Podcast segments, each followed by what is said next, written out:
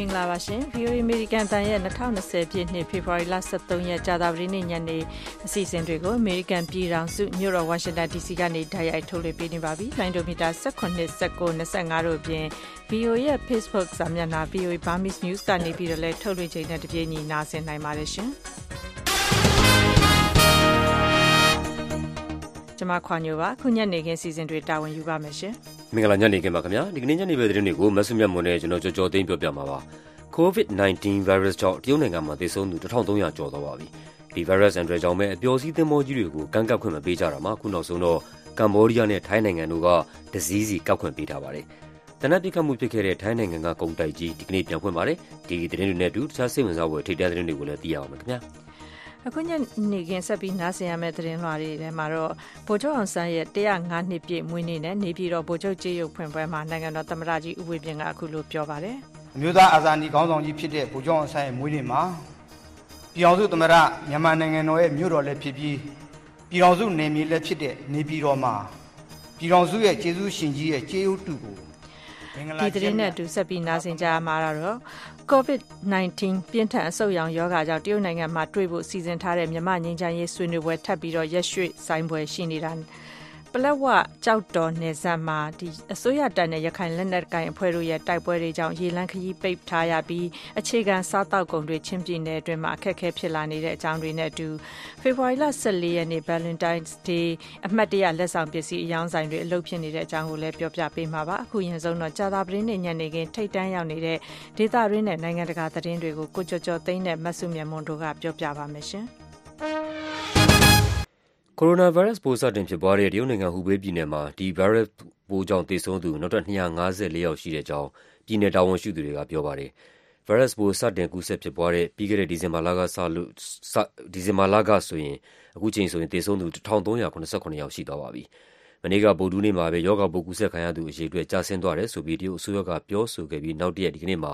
သေဆုံးသူ ၂၅၀ ကျော် တိုးလာတာပါ။ရောဂါပိုးရှိမရှိကို အရင်လို ဓာတ်ခွဲခန်းပို့ပြီး စမ်းသပ်စရာ မလိုတော့ဘဲ အဆင့်မြင့်ကွန်ပျူတာနည်းပညာနဲ့ ခန္ဓာကိုယ်ကို scan လုပ်ပြီး စစ်ဆေးစမ်းသပ်တဲ့နည်းကို ပြောင်းသုံးလာတဲ့အကြောင်း ဟူဘေးပြည်နယ် ကျန်းမာရေးတာဝန်ရှိသူတွေက ပြောဆိုခဲ့ပြီးတဲ့နောက် ကူးစက်သူအရေအတွက်လည်း သိသိသာသာ ပိုများလာပါတယ်။အခုဆိုရင် တရုတ်နိုင်ငံတဝန်း ဒီရောဂါပိုး ကူးစက်ခံရသူ စုစုပေါင်း ၆၀,၀၀၀ လောက်ရှိသွားပါပြီ။ဗိုင်းရပ်စ်ပိုး ကူးစက်ပြန့်ပွားမှုနဲ့ ဆက်စပ်ပြီး ဟူဘေးပြည်နယ် ကွန်မြူနစ်ပါတီအကြီးအကဲ Zhang Chaoliang ကို ရာထူးက ထုတ်ပစ်ခဲ့ပါတယ်။ပြည်နယ်ကျန်းမာရေးဆိုင်ရာ တာဝန်ရှိသူနှစ်ဦးကို ရာထူးက ထုတ်ပစ်ခဲ့ပြီးတဲ့နောက် အခု ပြည်နယ်ပါတီအကြီးအကဲကိုလည်း ဖယ်ရှားလိုက်တာပါ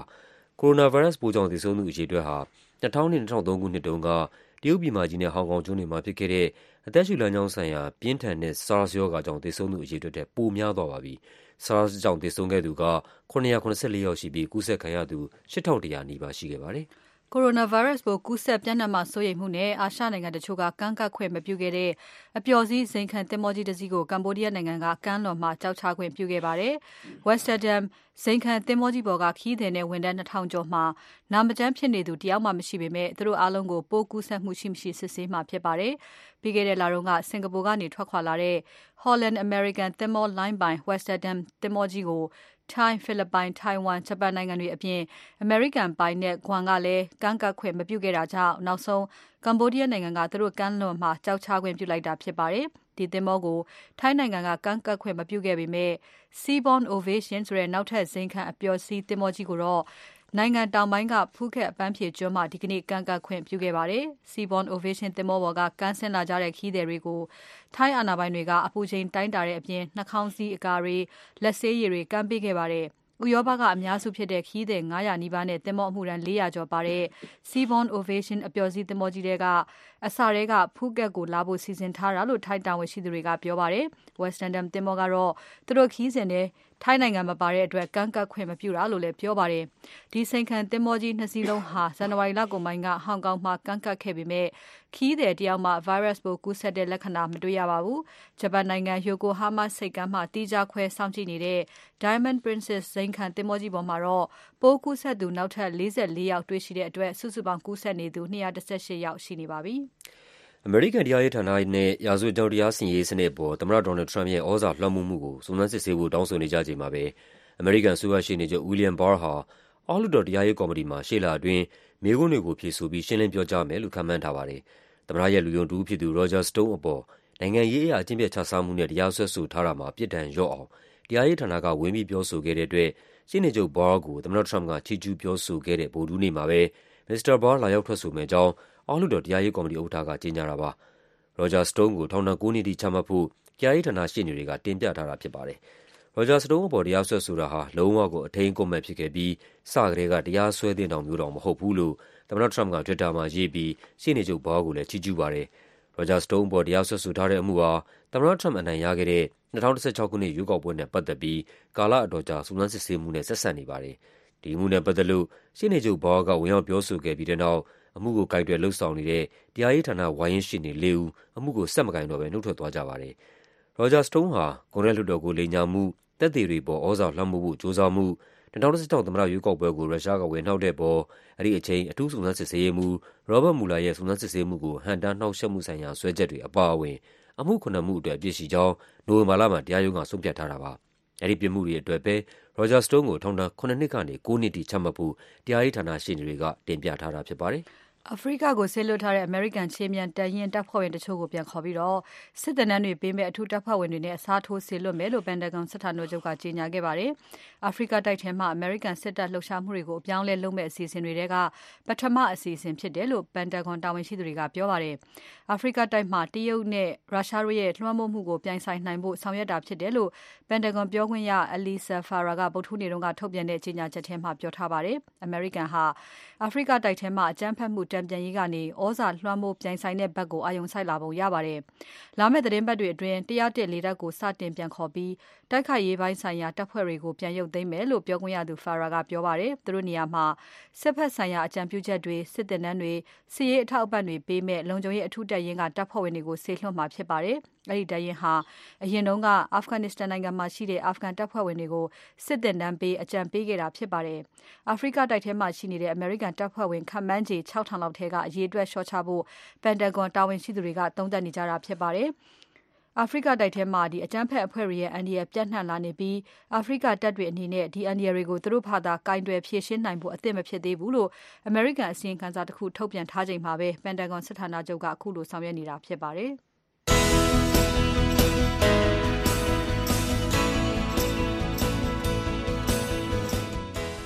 VOA အမေရိကန်အသံညနေဘက်မြန်မာဘာသာအစီအစဉ်တွေကို ညနေ၆နာရီခွဲကနေညနေ၇နာရီအထိလိုင်းဒိုမီတာ၁၇ kHz 10683ည၊လိုင်းဒိုမီတာ၁၉ kHz 15563ည၊လိုင်းဒိုမီတာ25 kHz 11965တို့ကနေထုတ်လွှင့်ပေးနေပါတယ်ခင်ဗျာ။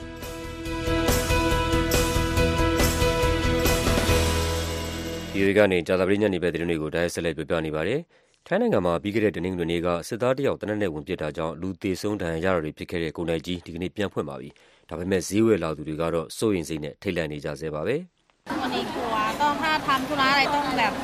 ต้องรีบทำธุระแล้วก็รีบกลับอย่างเงี้ยค่ะเพราะว่าเราก็กลัวเหตุการณ์มันเกิดขึ้นကျမကြောက်နေတုန်းပါပဲ။ အခုအပြင်သွားပြီဆိုရင် လုပ်စရာရှိတာ မြန်မြန်ပြီးအောင်လုပ်ပြီး အိမ်ပြန်ရောက်ချင်ပါတယ်။ ဒီလိုပစ်ခတ်တာမျိုး ထပ်ဖြစ်ဦးမလားဆိုတာ ကျမကြောက်နေတုန်းပါ။” လို့ ကုန်တိုက်ကြီးရှိတဲ့ Nakhon Ratchasima ဒေသခံ ဈေးဝယ်တဦးဖြစ်သူ Nichawat Suthuywa ကပြောပါတယ်။ အခင်းဖြစ်တဲ့ ကုန်တိုက်အလယ်ခေါင်မှာ ဒီကနေ့ ဘုန်းတော်ကြီးအပါး ၂၀၀ ကျော်ကရုပ်ဘတ်တရစပ်ပြီး ဆိုင်ပိုင်ရှင်တွေနဲ့ ဈေးလာဝယ်သူတွေ ပါဝင်နာကြကြပါတယ်။သေဆုံးသွားသူတွေအတွက် ရည်ရွယ်ပြီး သံဃာတော်တွေကို ဆွမ်းကပ်လှူဒါန်းပြုကြပြီးတော့ ဆုတောင်းမေတ္တာ ပို့ကြပါတယ်။အဲဒီကုန်တိုက်ထဲမှာ သေနတ်သမား ဝင်ပစ်တာကြောင့် လူ ၂၉ ယောက်ထက်မနည်း သေဆုံးပြီး နောက်ထပ် ဒါဇင်ပေါင်းများစွာ ဒဏ်ရာရခဲ့ပါတယ်။အမေရိကန်နဲ့ ဖိလစ်ပိုင်နိုင်ငံကြား လုံခြုံရေးဆိုင်ရာ သဘောတူညီချက်တွေကို အဆုံးသတ်လိုက်တဲ့အတွက် မတည်ငြိမ်တဲ့ ဖိလစ်ပိုင်တောင်ပိုင်းက အကြမ်းဖက်မှု တန်ပြန်ရေးဆောင်ရွက်မှုတွေ ထိခိုက်လိမ့်မယ်လို့ အမေရိကန် ထိပ်တန်းတပ်မှူးကြီးတယောက်က ပြောကြားလိုက်ပါတယ်။ အမေရိကန်တပ်တွေကို ဖိလစ်ပိုင်နိုင်ငံမှာ အခြေစိုက်ခွင့်ပြုတဲ့ သဘောတူညီချက်ကို သမ္မတ Rodrigo Duterte က ဖျက်တဲ့ ဆုံးဖြတ်ချက် ပြန်စဉ်းစားသင့်တယ်လို့ အာရှ Pacific ဆိုင်ရာ ရေတပ်ဗိုလ်ချုပ်ကြီး Philip Davidson ကပြောပါတယ်။ဖိလစ်ပိုင်အစိုးရဖက်က ရက် ၁၈၀ ကြိုတင်အကြောင်းကြားထားတဲ့အတွက် ဒီကြားထဲမှာ သူတို့ဆုံးဖြတ်ချက်ပြောင်းအောင် သံတမန်ရေးအရ ဆွေးနွေးနိုင်လိမ့်မယ်လို့ မျှော်လင့်ကြောင်းလည်း ဗိုလ်ချုပ်ကြီး Davidson က Australia နိုင်ငံ Sydney မြို့မှာကျင်းပတဲ့ ဆွေးနွေးပွဲတခုမှာ ဒီကနေ့ ပြောကြားခဲ့တာပါ။အမေရိကန်တပ်တွေ ဖိလစ်ပိုင်ဖက်က လက်မခံတော့ဘူးဆိုရင် စရိတ်စကသက်သာတဲ့အတွက်ကိစ္စမရှိဘူးလို့သမ္မတ Donald Trump ကပြောကြားထားချိန်မှာဖိလစ်ပိုင်မှာအမေရိကန်တပ်တွေဆက်ပြီးတပ်စွဲထားနိုင်ရေးအတွက်အမေရိကန်ဗိုလ်ချုပ်ကြီးကပြောကြားတာဖြစ်ပါတယ်။အမေရိကန်တပ်တွေကိုလက်မခံတော့ဘူးဆိုရင်ဖိလစ်ပိုင်သမ္မတ Rodrigo Duterte ရဲ့မွေးရပ်ဖြစ်တဲ့ Mindanao ကျွန်းမှာခွဲထွက်ရေးသူပုန်တွေနဲ့အစ္စလာမ်စစ်သွေးကြွတွေကိုနှိမ်နင်းနေတဲ့စစ်ဆင်ရေးတွေထိခိုက်လိမ့်မယ်လို့ရေတပ်ဗိုလ်ချုပ်ကြီး Davidson ကအလေးထားထောက်ပြပါတယ်။ အာရှမှာတရုတ်ရဲ့ဩဇာကြီးမားလာမှုကိုချိန်ခွင်ရှာညှိနိုင်ဖို့အမေရိကန်ရှီပေးနေချိန်မှာဖိလစ်ပိုင်ဘက်ကသဘောတူညီချက်ကိုဖျက်တာဟာမှားယွင်းမှုခြေလှမ်းဖြစ်တယ်လို့ကာကွယ်ရေးဝန်ကြီး Mark Esper ကလည်းပြောကြားထားပါတယ်။အိန္ဒိယနိုင်ငံမွန်ဘိုင်းမြို့မှာလွန်ခဲ့တဲ့၁၀နှစ်ကျော်ကတိုက်ခိုက်ခဲ့မှုကိုနောက်ကွယ်ကကြိုးကိုင်စီစဉ်ခဲ့သူအဖြစ်စွပ်စွဲခံထားရတဲ့အစွန်းရောက်အစ္စလာမ်ဘာသာရေးခေါင်းဆောင် Hafiz Saeed ဟာပါကစ္စတန်နိုင်ငံမှာထောင်ဒဏ်ချမှတ်ခံလိုက်ရပါတယ်။ ပိတ်ပင်ထားတဲ့အဖွဲ့တခုမှာ ပါဝင်မှု၊အကြမ်းဖက်ဝါဒီလုပ်ရပ်တွေအတွက် ရန်ပုံငွေရှာဖွေမှုတွေနဲ့ အပြစ်ရှိတယ်ဆိုပြီး Hafiz Saeed ကို ပါကစ္စတန်နိုင်ငံ၊လာဟိုးမြို့ တရားရုံးတခုက ဗုဒ္ဓဟူးနေ့မှာ ထောင်ဒဏ် ၁၁ နှစ် ချမှတ်လိုက်တာပါ။ဒီပြစ်ဒဏ်ကို အယူခံဝင်မယ်လို့ Saeed ရဲ့ ရှေ့နေကပြောပါတယ်။ အမေရိကန်သမ္မတ Donald Trump အနေနဲ့ ကွန်ဂရက်လွှတ်တော်ရဲ့ အတည်ပြုချက်မပါဘဲ အီရန်အပေါ် စစ်ရေးတိုက်ခိုက်မှုတွေ မလုပ်နိုင်အောင် ဟန့်တားမယ့် ဆုံးဖြတ်ချက်တရပ်ကို အထက်လွှတ်တော်မှာ ဒီကနေ့ မဲခွဲဆုံးဖြတ်မှာဖြစ်ပါတယ်။ဒီဆုံးဖြတ်ချက် အတည်ပြုနိုင်ဖို့ ထောက်ခံမဲ အလုံအလောက်ရမယ်လို့ မျှော်လင့်ရပေမဲ့ သမ္မတ Trump ကဗီတိုအာဏာသုံးပယ်ချရင်တော့ ဥပဒေကြမ်းအတည်ဖြစ်လာနိုင်မှာ မဟုတ်ပါဘူး။ သမ္မတ Trump ကတော့ Democrat တွေဟာ Republican ပါတီကို အရှက်ရအောင် ဒီဥပဒေကြမ်းအတည်ပြုနိုင်ရေး တမင်လုပ်ဆောင်နေတာလို့ သူ့ရဲ့ Twitter စာမျက်နှာပေါ်မှာ ရေးပါတယ်။ဒီဥပဒေကြမ်းကိုတင်သွင်းတဲ့ Virginia ပြည်နယ် Democrat အထက်လွှတ်တော်အမတ် Tim Kaine ကတော့ လွှတ်တော်ရဲ့ အတည်ပြုချက်မပါဘဲ အီရန်နဲ့စစ်မဖြစ်အောင် ကာကွယ်နိုင်ဖို့ရည်ရွယ်တဲ့ ဥပဒေကြမ်းဖြစ်တယ်လို့ ပြောကြားခဲ့ပါတယ်။ အမေရိကန်နဲ့ အီရန်ကြား တင်းမာမှုတိုးလာနေချိန်မှာ သမ္မတ Trump ကသူ့သဘောနဲ့သူ စစ်ရေးအရဆောင်ရွက်တာမျိုး တားဆီးနိုင်ဖို့ အောက်လွှတ်တော်မှာ မဲခွဲဆုံးဖြတ်ခဲ့ကြပြီးတဲ့နောက် ဒီကနေ့ အထက်လွှတ်တော်မှာ မဲခွဲမှာဖြစ်ပါတယ်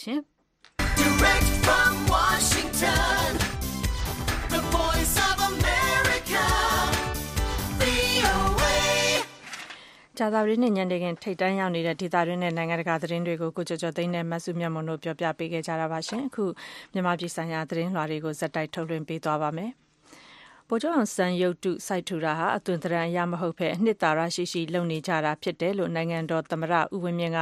နေပြည်တော် သပြေကုန်းအဝိုင်းမှာ ကျင်းပတဲ့ ဗိုလ်ချုပ်အောင်ဆန်း ကြေးသွန်းရုပ်တု ဖွင့်ပွဲအခမ်းအနားမှာ ပြောပါတယ်။အပြည့်အစုံကို VOA မြန်မာပိုင်းသတင်းထောက် စုစုက ပြောပြမှာပါရှင်။ ဖေဖော်ဝါရီလ23ရက်နေ့မှာကြာရောက်တဲ့ဗိုလ်ချုပ်အောင်ဆန်းရဲ့105နှစ်မြောက်မွေးနေ့မှာနေပြည်တော်ဗိုလ်ချုပ်အောင်ဆန်းရုပ်ထုဖွင့်ပွဲကိုနေပြည်တော်တပြေကုန်းအဝိုင်းမှာကျင်းပခဲ့ပါတယ်။အခုလိုဗိုလ်ချုပ်ရဲ့မွေးနေ့မှာမြန်မာနိုင်ငံရဲ့မြို့တော်ဖြစ်တဲ့နေပြည်တော်မှာကြေးရုပ်ထုကိုစိုက်ထူနိုင်ခဲ့လို့မင်္ဂလာရှိတဲ့နေ့တစ်နေ့ဖြစ်တယ်လို့သမ္မတကမိန့်ခွန်းအစမှာပြောလိုက်ပါတယ်။ဒီနေ့ဟာကျက်တီမင်္ဂလာပေါင်းနဲ့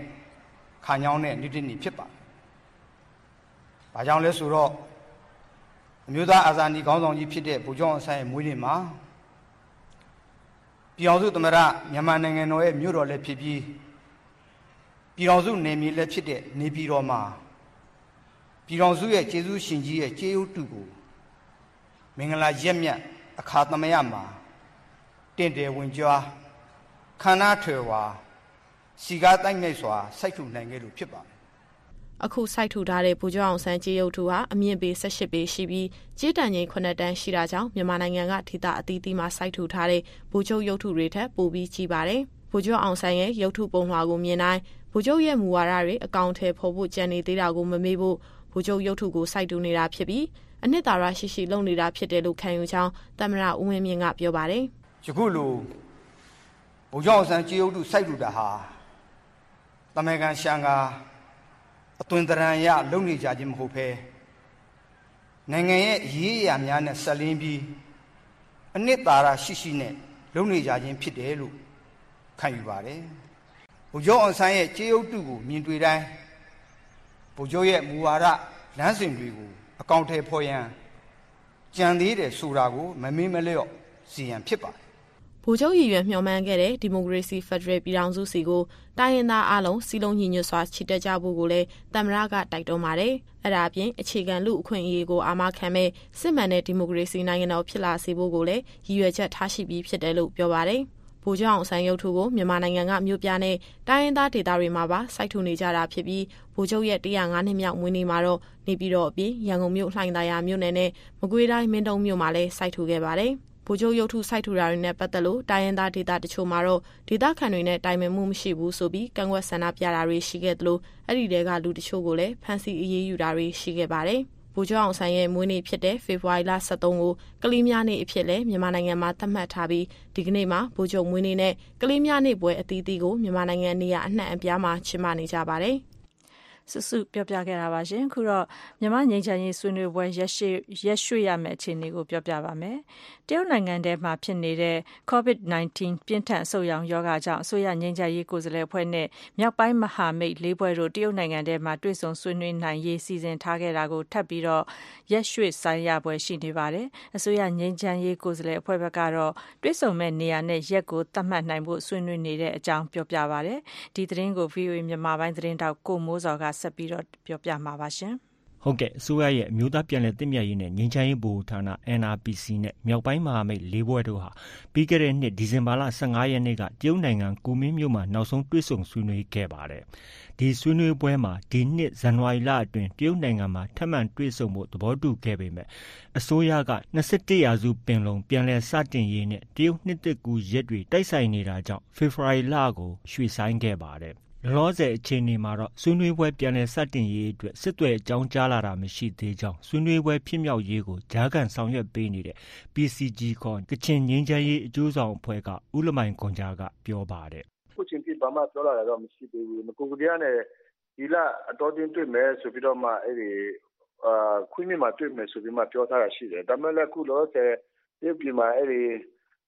ယောဂပိုးကြောင့်မို့တွာလာအလုံးကို ဖျက်သိမ်းထားတယ်ဆိုတော့ အဲ့ဒီအကြောင်းပဲ အခုချိန်ထိ ဘာမှလည်းဟိုမထူးလာဘူး ဘာမှလည်း ပြောတာ မရှိမရှိမရှိခဲ့ဘူးဗျ အဲ့ဒီယောဂပိုးကြောင့်မို့တွာလာရေးကအလုံးပိတ်ပင်ထားတယ်ဆိုတော့ အဲအဲ့ဒါကိုနည်းနည်းစောင့်ဆိုင်းနေသလားလို့ ကျွန်တော် ဒီလိုပဲသုံးသုံးသပ်တယ်လေ အစိုးရနဲ့ KIA ကချင် TNLA တအန်းပလောင် MNDAA ကိုကန့်နဲ့ AA ရခိုင်အဖွဲ့တွေ ပါဝင်တဲ့ မြောက်ပိုင်းမဟာမိတ်အဖွဲ့တွေဟာ bilateral ခေါ် နှစ်ဖက် အပြည့်ရစာချုပ် ချုပ်ဆိုနိုင်ရေးအတွက် ဆွေးနွေးနေကြတာလည်း ဖြစ်ပါတယ် အစိုးရရဲ့ အမျိုးသားပြန်လည်သင့်မြတ်ရေးနဲ့ ငြိမ်းချမ်းရေးဗဟိုဌာန NRPC ရဲ့ အကြီးတန်းအကြံပေးအဖွဲ့ဝင် ဦးလှမောင်ရွှေကတော့ တရားဝင်ဆွေးနွေးပွဲ ဒါမှမဟုတ် အလွတ်သဘောဆွေးနွေးပွဲတွေ ကျင်းပနိုင်ရေးအတွက် အစိုးရဘက်က ဆောင်ရွက်နေကြောင်း ပြောပါတယ်။ကျနော်တို့ဒီ NRPC တို့ကဦးဆောင်တဲ့အဖွဲ့နဲ့ မြောက်ပိုင်းလေးဖွဲ့က တိုင်းရင်းသားကိုယ်စားလှယ်အဖွဲ့တွေကျနော်တို့ကျိုင်းတုံမှာ ဆွေးနွေးကြတာရှိတယ်။အဲလို ဆွေးနွေးပွဲတွေကိုလည်း ဆက်ပြီးတော့ ဆောင်ရွက်နိုင်ဖို့ ပြင်ဆင်နေတာရှိတယ် ကျန်းတို့ဆွေးနွေးပွဲတွေဆွေးနွေးပွဲတွေဆက်ဆောင်ရဖို့လိုအပ်ရင်အလုပ်သဘောဆွေးနွေးပွဲတွေလည်းရှိမယ်ဆိုတဲ့သဘောပါပဲအဲ့ဒါကိုတော့ဒီကနေ့ကျန်းတို့ဆွေးနွေးပွဲနောက်ပိုင်းမှာဒီကနေ့မှလည်းပြင်နေဖို့အလုပ်သဘောပြင်နေဖို့လည်းဆက်ကြရမှာဒီနေ့ရတာလည်းရှိတယ်ဒါပေမဲ့နှစ်ချက်ကူရဲ့အခု virus ကိစ္စရဲ့အကြောင်းဒါတွေကခဏစောင့်ဆိုင်းနေရတော့အခု virus ကအချိန်ဘယ်လောက်ကြာမလဲမသိတော့ဒီအတွက်ကိုဆက်တော်တဲ့နေရာမှာအခက်မပြေဆုံးဖို့လည်း နှစ်ဖက်ကြားထဲမှာပြောဆိုနေတာရှိပါတယ်။ဒါပြင်ဆင်နေတဲ့သဘောပါပဲ။ဒီကျွန်တော်တို့တာဝန်ရှိတဲ့ကောင်းဆောင်တွေရဲ့အခုနှစ်ဖက်ကြားထဲမှာဒီပြည်နယ်နဲ့ရက်နေရာတွေကအခုပြည်နေတော့ပါ ဆွေးနွေးပွဲ ကြန့်ကြာနေတဲ့ကာလအတွင်း ဇန်နဝါရီလကုန်ပိုင်းကတော့ ရှမ်းပြည်နယ်မြောက်ပိုင်းကြောင်မဲ နမ်ဆန်မြို့နယ်ဘက်တွေမှာ အစိုးရတပ်မတော်နဲ့ TNLA တအန်းပလောင်ကြား တိုက်ပွဲဖြစ်ပွားတာတွေ ရှိပေမဲ့ ဒီလပိုင်းမှာတော့ ငြိမ်သက်နေခဲ့ပါတယ်။ရခိုင်ပြည်နယ်အတွင်းမှာတော့ အစိုးရတပ်မတော်နဲ့ AA အကြားမှာ တိုက်ပွဲတွေ ဆက်လက်ပြင်းထန်နေဆဲ ရှိပါတယ်။ ကိုမိုးစောပြောပြသွားတာပါရှင်။ချင်းပြည်နယ်တောင်ပိုင်းပလက်ဝမြို့နယ်နဲ့ရခိုင်ပြည်နယ်ကြောက်တော်မြို့နယ်တို့ရဲ့အစပ်မှာအစိုးရတပ်နဲ့ရခိုင်လက်နက်ကိုင်တပ် AA တို့ကြားတိုက်ပွဲတွေကြောင့်ချင်းပြည်နယ်အတွင်းအခြေခံစားတောက်ကုန်တွေစပြီးတော့အခက်အခဲဖြစ်လာနေတယ်လို့ချင်းပြည်နယ်စီပင်ဝင်ကြီးကပြောပါတယ်။အ धिक ကုန်စည်စီးဆင်းရာလမ်းကြောင်းကြောက်တော်ပလက်ဝရေလမ်းပိတ်နေတာတပတ်နီးပါးဖြစ်နေသလိုကလဒန်မြစ်ကြောင်းအတွင်းဆက်လေသွားလာမှုရပ်ဆိုင်းသွားလို့ကုန်စည်စီးဆင်းမှုရပ်တန့်နေပြီးလှေစည်းခရီးသည်တွေပိတ်မိနေတာလည်းရှိပါတယ်ပါတယ်။ဒီအကြောင်းကိုတော့ VOA မြန်မာပိုင်းသတင်းထောက်နိုင်ကွန်းအိန်ကသတင်းပေးပို့ထားပါတယ်ရှင်။ ချင်းပြည်နယ်ပလက်ဝမြို့နယ်နဲ့ရခိုင်ပြည်နယ်ကြောက်တော်မြို့နယ်အစပ်မှာမြန်မာစစ်တပ်နဲ့ရခိုင်လက်နက်ကိုင် AA ဖွဲ့တို့ကြားတပတ်လောက်ဖြစ်ပွားနေတဲ့တိုက်ပွဲကြောင့်ရေလန်းခီးပိတ်ဆို့မှုဖြစ်ပွားခဲ့တယ်လို့ပလက်ဝမြို့နယ်ဒေသခံချင်းပြည်နယ်စီပင်ဝန်ကြီးဦးစိုးထက်ကပြောပါတယ်တလောကကျွန်တော်တို့နီးဝနားမှာဖြစ်တယ်တမ်းမနားမှာဖြစ်တယ်အဲ့ဒီနီးဝနားမှာဖြစ်တဲ့ဖြစ်စဉ်ကြောင့်ဒီလမ်းကြောင်းကောင်းလို့မရဖြစ်နေတာပေါ့နော်နောက်ပြီးဒီကကုန်ကြီးစစ်စစ်မှုလည်းမရှိတဲ့ခါကျတော့ကုန်ကြီးလည်းဈေးနှုန်းတွေတက်ကုန်တယ်ပေါ့အဲ့လိုတွေတွေဖြစ်နေတယ် ကျောက်တော်ပလက်ဝကလတန်မြစ်ကြောင်းမှာဆက်လှေတွေသွားလာရင်ပြစ်ခတ်မှုတွေရှိနေလို့ဆက်လှေသမားတွေမသွားရဲကြဘူးလို့ဆက်လှေပိုင်ရှင်တူကအခုလိုပြောပါတယ်။သွားရင်ပြစ်တယ်မသွားဘဲနေလွတ်တယ်အဲ့ဒီကပြတ်လို့ရှိရင်ပြစ်တယ်ဒါကပြင်းမှန်းနေမကြည့်ဘူးအဲ့ဒီလမ်းကြောင်းပြစ်တာတစ်ပတ်ကျဲကြည့်ဘူးဒီလိုဂုံစီစစ်စင်းရရေလမ်းကြောင်းပိတ်သွားတာကြောင့်ပလဲဝမြို့နယ်မှာဂုံစင်းနှုံကြီးမြင့်လာပြီးအခြေခံစားသုံးကုန်တွေပြက်လက်နေပြီလို့အဆိုပါဆက်လက်ပိုင်ရှင်ကပဲဆက်ပြောပါတယ် စားသောက်ကုန်တွေကကျုပ်အရင်တစ်ထောင်ဖို့ရှိလုံးရတာအခုတစ်ထောင်ဖို့လေးလို့ဆန်တွေကတော့မရှိတော့ဘူး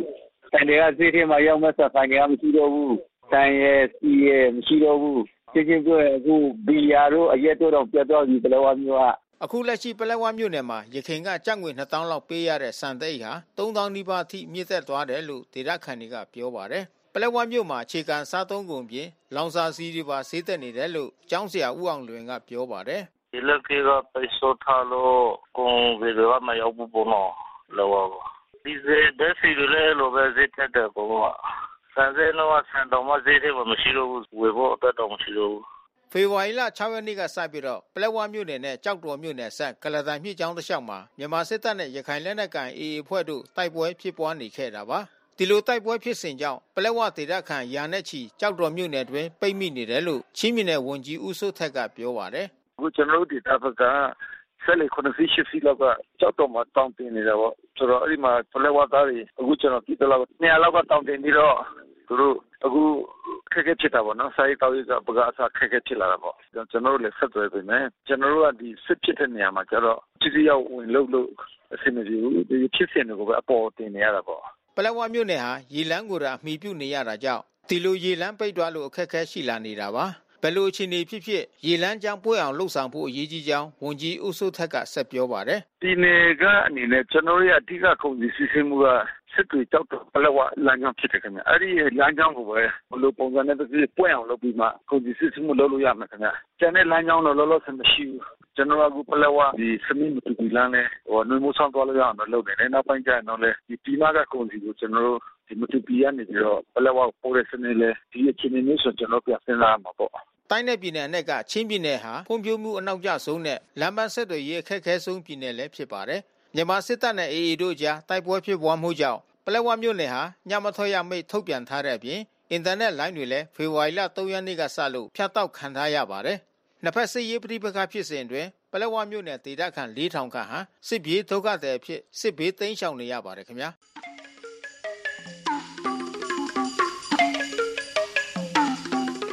ချင်းပြည်နယ်ပလောဝမြို့နယ်ဘက်နဲ့ရခိုင်ပြည်နယ်မြောက်ပိုင်းဒေသတွေမှာတိုက်ပွဲတွေဖြစ်နေတာရော့မသွားတဲ့အပြင်ပိုးပြီးပြင်းထန်လာနေတဲ့သတင်းတွေသိထားရပါတယ်။ဒီတိုက်ပွဲတွေရော့သွားနိုင်ခြေအလားအလာရှိသေးတယ်လို့ကျွန်တော်တို့သောတာရှင်တွေမြင်မိကြပါသလား။အဲဒီလိုတိုက်ပွဲတွေရော့သွားအောင်ဘယ်လိုလှုပ်ဆောင်နိုင်မယ်လို့ရောယူဆပါသလဲ။တိုက်ပွဲတွေရပ်ဖို့သက်ဆိုင်ရာအဖွဲ့အစည်းတွေနဲ့ခေါင်းဆောင်တွေကိုဘယ်လိုများပန်ကြားကြမှာလဲ။စသည်အားဖြင့်အခုလာမယ့်စနေညဒိုင်ယာလီလိုင်းအစီအစဉ်မှာဆွေးနွေးကြရအောင်ပါ။ ဒီစီစဉ်မှာ တိုက်ရိုက်ပါဝင်ဆွေးနွေးခြင်းနဲ့ဆိုရင် ဆက်သွယ်ရမယ့် ဖုန်းနံပါတ်ကို စနေညအမီ ပို့ထားပေးပါ။ကိုဆွေးနွေးချင်တာကို စာနယ်ပဲဖြစ်ဖြစ်အတန်ဖိုင်နဲ့ပဲဖြစ်ဖြစ် ပို့ထားလို့ရတယ်လို့ VOA Facebook မှာလည်း မှတ်ချက်ပေး ဆွေးနွေးလို့ရပါတယ်။တင့်လျော်တဲ့ ဆွေးနွေးချက်တွေကို ကောက်နှုတ် ထုတ်လွှင့်ပေးမှာဖြစ်ပါတယ်။ VOA ရဲ့ ဖုန်းနံပါတ်က12392382554အီးမေးလ်လိပ်စာက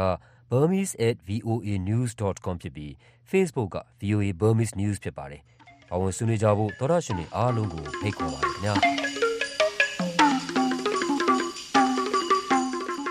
လာမယ့်စနေညတိုက်ရိုက်လေးလိုင်းမှာပါဝင်ဆွေးနွေးလို့ရင်အချိန်မီဆက်သွယ်ကြဖို့ထပ်ပြီးတော့ဖိတ်ခေါ်ပါတယ်ရှင်။ ဖေဖော်ဝါရီလ14ရက်နေ့ဟာ Saint Valentine's Day ချစ်သူများနေ့ဖြစ်ပြီး အခုခါမှာတော့ Valentine's Day မှာ လူတိုင်းဟာ မိမိတို့ရဲ့ချစ်သူ အိမ်ထောင်ဘက်တွေကိုသာမက တခြား ချစ်ခင်နှစ်သက်တဲ့ မိသားစုဝင်တွေ မိတ်ဆွေတငယ်ချင်းတွေလှုပ်ဖော်ကင်ဘက်တွေကို ချစ်ခင်မြတ်နိုးကြောင်းတွေ ဖော်ပြလာကြပါတယ်။နှစ်စဉ် အခုလို Valentine's Day ကိုရောက်တိုင်း ပန်းစည်းတွေ ချောကလက်တွေ အရောင်းရောင်းရလေးရှိပြီးတော့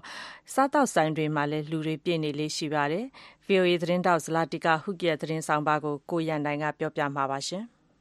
Valentine Day လို့ခေါ်တဲ့ ချစ်သူများနေ့ကတော့ လူငယ်ချစ်သူစုံတွဲတွေ တယောက်နဲ့တယောက် ဘယ်လောက် ချစ်မြတ်နိုးကြောင်းကို ဖော်ပြတဲ့နေ့တနေ့အဖြစ် အချိန်အတော်ကြာကတည်းက သတ်မှတ်လာခဲ့တာဖြစ်ပြီး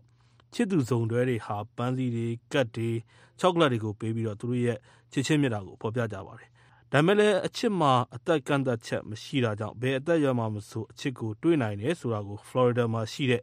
Jackie နဲ့ Lee Adelson တို့က သက်သေပြလိုက်ပါတယ်။သူတို့နှစ်ယောက်ဟာ အိမ်ထောင်ဖက်တွေ ဆုံးသွားပြီးတဲ့နောက် လွန်ခဲ့တဲ့ ၈ နှစ်က အွန်လိုင်းမှာတွေ့ပြီးမြင်မြင်ချင်းမှာချစ်သွားကြတာဖြစ်တယ်လို့ Lee Adelson ကပြောပါတယ်။ Oh, I proposed very early. As a matter of fact, the first time I met first time I met ကျွန်တော်သူ့ကိုသူ့သမီးအိမ်မှာစတွေ့တွေ့ချင်းမှာပဲလက်ထပ်ဖို့ကမ်းလှမ်းခဲ့တာပါ။ပြီးတော့သူ့သမီးကကျွန်တော်ကိုစကားလာပြောတော့ငါတော့မင်းအမေကိုချစ်မိနေပြီလို့ပြောလိုက်တယ်။အဲ့ဒီမှာသူကကျွန်တော်ကိုကြည့်ပြီးအန်ကယ်တို့အခုမှစတွေ့ကြတာလေလို့ပြောတော့ကျွန်တော်ကလည်းဟုတ်တယ်။ဒါပေမဲ့ငါသူ့ကိုချစ်နေမိပြီလို့ပြောလိုက်တယ်။ ဗိုလ်မှူးဝီလျံဝိုက်ဟာ အသက် ၁၀၄ နှစ်ရှိဖြစ်ပြီး သူဟာ ဒုတိယကမ္ဘာစစ်မှာ ပါဝင်ခဲ့တဲ့ စစ်ပြန်စစ်မှုထမ်းဟောင်း ဖြစ်ပါတယ်။ I have received approximately 40,000 cards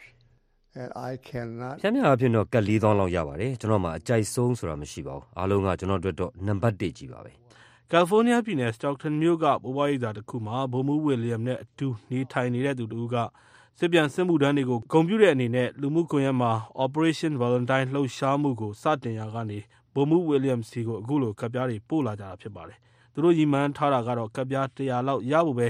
မျှော်လင့်ထားတာဖြစ်တယ်လို့ဆိုပါတယ်။ Valentine Day မှာအယောင်းရဆုံးကုန်ပစ္စည်းတစ်ခုကတော့နှင်းစီပန်းတွေဖြစ်ပြီးတော့ဒီနှင်းစီပန်းအများစုကိုတော့ကိုလံဘီယာနိုင်ငံကနေအမေရိကန်ကိုတင်သွင်းတာဖြစ်ပါတယ်။ပြီးခဲ့တဲ့နှစ် Valentine Day မတိုင်ခင်မှာတော့အမေရိကန်အကောက်ခွန်နဲ့နယ်စပ်လုံခြုံရေးတာဝန်ရှိသူတွေဟာ နှင်းဆီပန်းအပွင့်ပေါင်း၇သန်းလောက်ကိုစစ်ဆေးခဲ့ရတယ်လို့ Atlanta မြို့ကအကောက်ခွန်ဝန်ထမ်းတဦးဖြစ်တဲ့ Paula Rivera ကပြောပါတယ်။ That is correct. Uh, we measure flower shipments by the stem and not by the box. So as we look through ဟုတ်ပါတယ်။ကျမတို့ကပန်းတင်ပို့တာတွေကို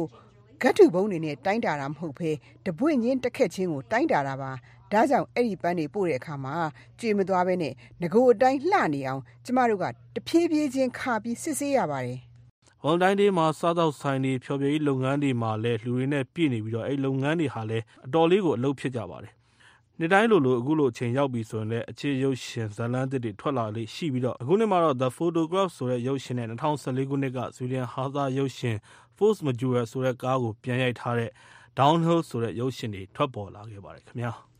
ကိုရနိုင်ပြောပြသွားတာပါရှင်။နောက်နှစ်နာရီကြာမှထုတ်လွှင့်ပေးမယ့်ညပိုင်းစီစဉ်တွေမှာတော့ဥအောင်ခင်ရဲ့မြန်မာရေးသုံးသက်ချက်ကိုဝင်းမင်းရဲ့ကျမ်းမာရေးနဲ့တိုင်းရင်သတင်းလွှာစီစဉ်တွေနားဆင်ကြရဖို့ရှိပါတယ်။လိုင်းဒိုမီတာ19 25 32ပထမနိုင်ဝက်မှာလှိုင်းလက်မီတာ190 kHz 1505တို့ကနေတိုက်ရိုက်ဖမ်းယူနားဆင်နိုင်ပါတယ်ရှင်။ အခုကြာသပတေးနေ့ညနေခင်းထိတ်တန်းရောက်နေတဲ့သတင်းချင်းချုပ်ကိုကိုကျော်ကျော်သိန်းကတလှည့်ပြောပြပေးပါဦးမယ်ရှင်။ကိုရိုနာဗိုင်းရပ်စ်ပိုးစတင်ဖြစ်ပွားတဲ့တရုတ်နိုင်ငံဟူဘေးပြည်နယ်မှာဒီဗိုင်းရပ်စ်ပိုးကြောင့်သေဆုံးသူနောက်ထပ်254ယောက်တိုးလာတဲ့အကြောင်းပြည်နယ်တာဝန်ရှိသူတွေကပြောပါတယ်။ဗိုင်းရပ်စ်ပိုးစတင်ကူးစက်ဖြစ်ပွားတဲ့ပြီးခဲ့တဲ့ဒီဇင်ဘာလကစလို့အခုချိန်ထိဆိုရင်စုစုပေါင်းသေဆုံးသူ1389ယောက်ရှိသွားပါပြီ။ မနေ့က ဗုဒ္ဓဟူးနေ့မှာပဲ ရောဂါပိုး ကူးစက်ခံရသူ အရေအတွက် ကျဆင်းသွားတယ်ဆိုပြီး တရုတ်အစိုးရက ပြောဆိုခဲ့ပြီးတဲ့နောက် တရက်မှာပဲ ဒီကနေ့မှာတော့ သေဆုံးသူ ၂၅၀ ကျော် တိုးလာတာပါ။ဒီဗိုင်းရပ်စ်ပိုး ကူးစက်ပျံ့နှံ့မှာ စိုးရိမ်တာနဲ့ အာရှနိုင်ငံတချို့က ကမ်းကပ်ခွင့်မပြုတဲ့ အပျော်စီး သင်္ဘောကြီး နှစ် စီးဟာ ကမ္ဘောအပျော်စီးသင်္ဘောနှစ်စီးဟာကမ္ဘောဒီးယားနိုင်ငံမှာတစီး၊ထိုင်းနိုင်ငံ ဖူးခက်ကမ်းခြေမှာတစီး ဆိုက်ကပ်ခဲ့ပါတယ်။ Westerdam ဇိမ်ခံသင်္ဘောကြီးပေါ်က ခရီးသည်နဲ့ ဝန်ထမ်း ၂,၀၀၀ ကျော်မှာ နာမကျန်းဖြစ်နေသူ တယောက်မှမရှိပေမယ့် သူတို့အားလုံးကို ရောဂါပိုးကူးစက်မှုရှိမရှိ စစ်ဆေးမှာဖြစ်ပြီး သူတို့ဟာ ထိုင်းနိုင်ငံက ကမ်းကပ်ခွင့်မပြုခဲ့တဲ့ သင်္ဘောဖြစ်ပြီးကမ္ဘောဒီးယားနိုင်ငံက အခု ကမ်းကပ်ခွင့်ပြုခဲ့တာပါ။ဒါပေမယ့်လည်း Seabourn Ovation ဆိုတဲ့ နောက်ထပ် အပျော်စီးသင်္ဘောကြီးကိုတော့ ထိုင်းနိုင်ငံတောင်ပိုင်းက ဖူးခက် အပန်းဖြေကျွန်းမှာ ထိုင်းအာဏာပိုင်တွေက ကမ်းကပ်ခွင့်ပြုပါတယ်။ အမေရိကန်တရားရေးဌာနနဲ့ ရာဇဝတ်ကြောင်း တရားစီရင်ရေးစနစ်အပေါ် သမ္မတ ဒေါ်နယ်လ်ဒ် ထရမ့်ပ်ရဲ့ သြဇာလွှမ်းမိုးမှုကို စုံစမ်းစစ်ဆေးဖို့ တောင်းဆိုနေကြချိန်မှာပဲ အမေရိကန် အစိုးရရှေ့နေချုပ် William Barr ဟာ အောက်လွှတ်တော် တရားရေးကော်မတီမှာ ရှေ့လအတွင်း မေးခွန်းတွေကိုဖြေဆိုပြီး ရှင်းလင်းပြောကြားမယ်လို့ ခန့်မှန်းထားကြပါတယ်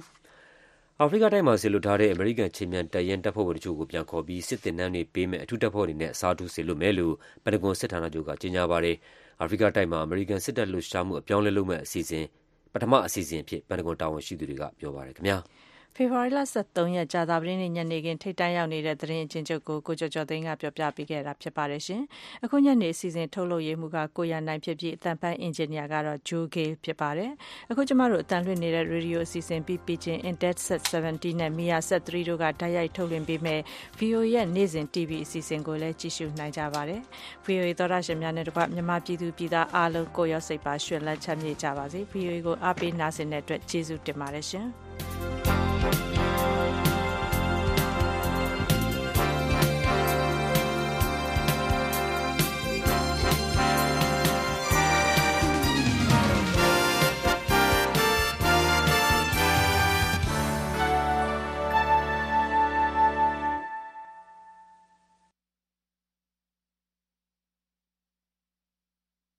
This program has come to you from the Voice of America, Washington.